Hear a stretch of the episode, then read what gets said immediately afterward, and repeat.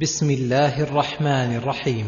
ألم تر كيف فعل ربك بأصحاب الفيل؟ أي أما رأيت من قدرة الله وعظيم شأنه ورحمته بعباده وأدلة توحيده وصدق رسوله محمد صلى الله عليه وسلم ما فعله الله بأصحاب الفيل الذين كادوا بيته الحرام وأرادوا إخرابه فتجهزوا لأجل ذلك واستصحبوا معهم الفيلة لهدمه وجاءوا بجمع لا قبل للعرب به.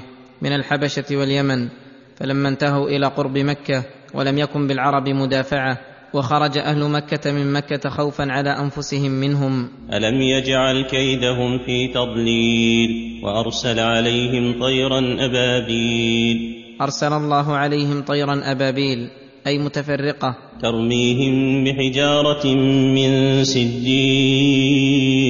تحمل حجارة محماة من سجيل فرمتهم بها. وتتبعت قاصيهم ودانيهم. فجعلهم كعصف مأكول.